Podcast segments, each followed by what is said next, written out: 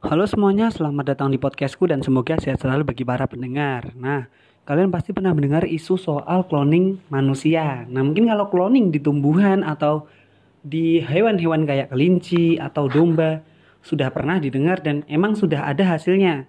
Tapi untuk manusia ini memang baru plan karena beberapa pengemuka dan orang yang ternama sudah pasti mengecam uh, kegiatan cloning manusia ini karena apa?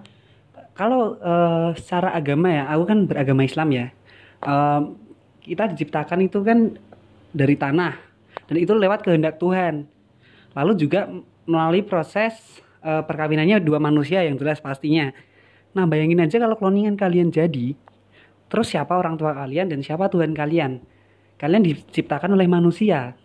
Ya emang kalau secara rinci pasti manusia diciptakan oleh Tuhan. Apabila manusia menciptakan manusia lain, tetap saja manusia itu diciptakan awalnya lewat Tuhan. Cuman kan tetap saja itu melanggar uh, algoritma kehidupan.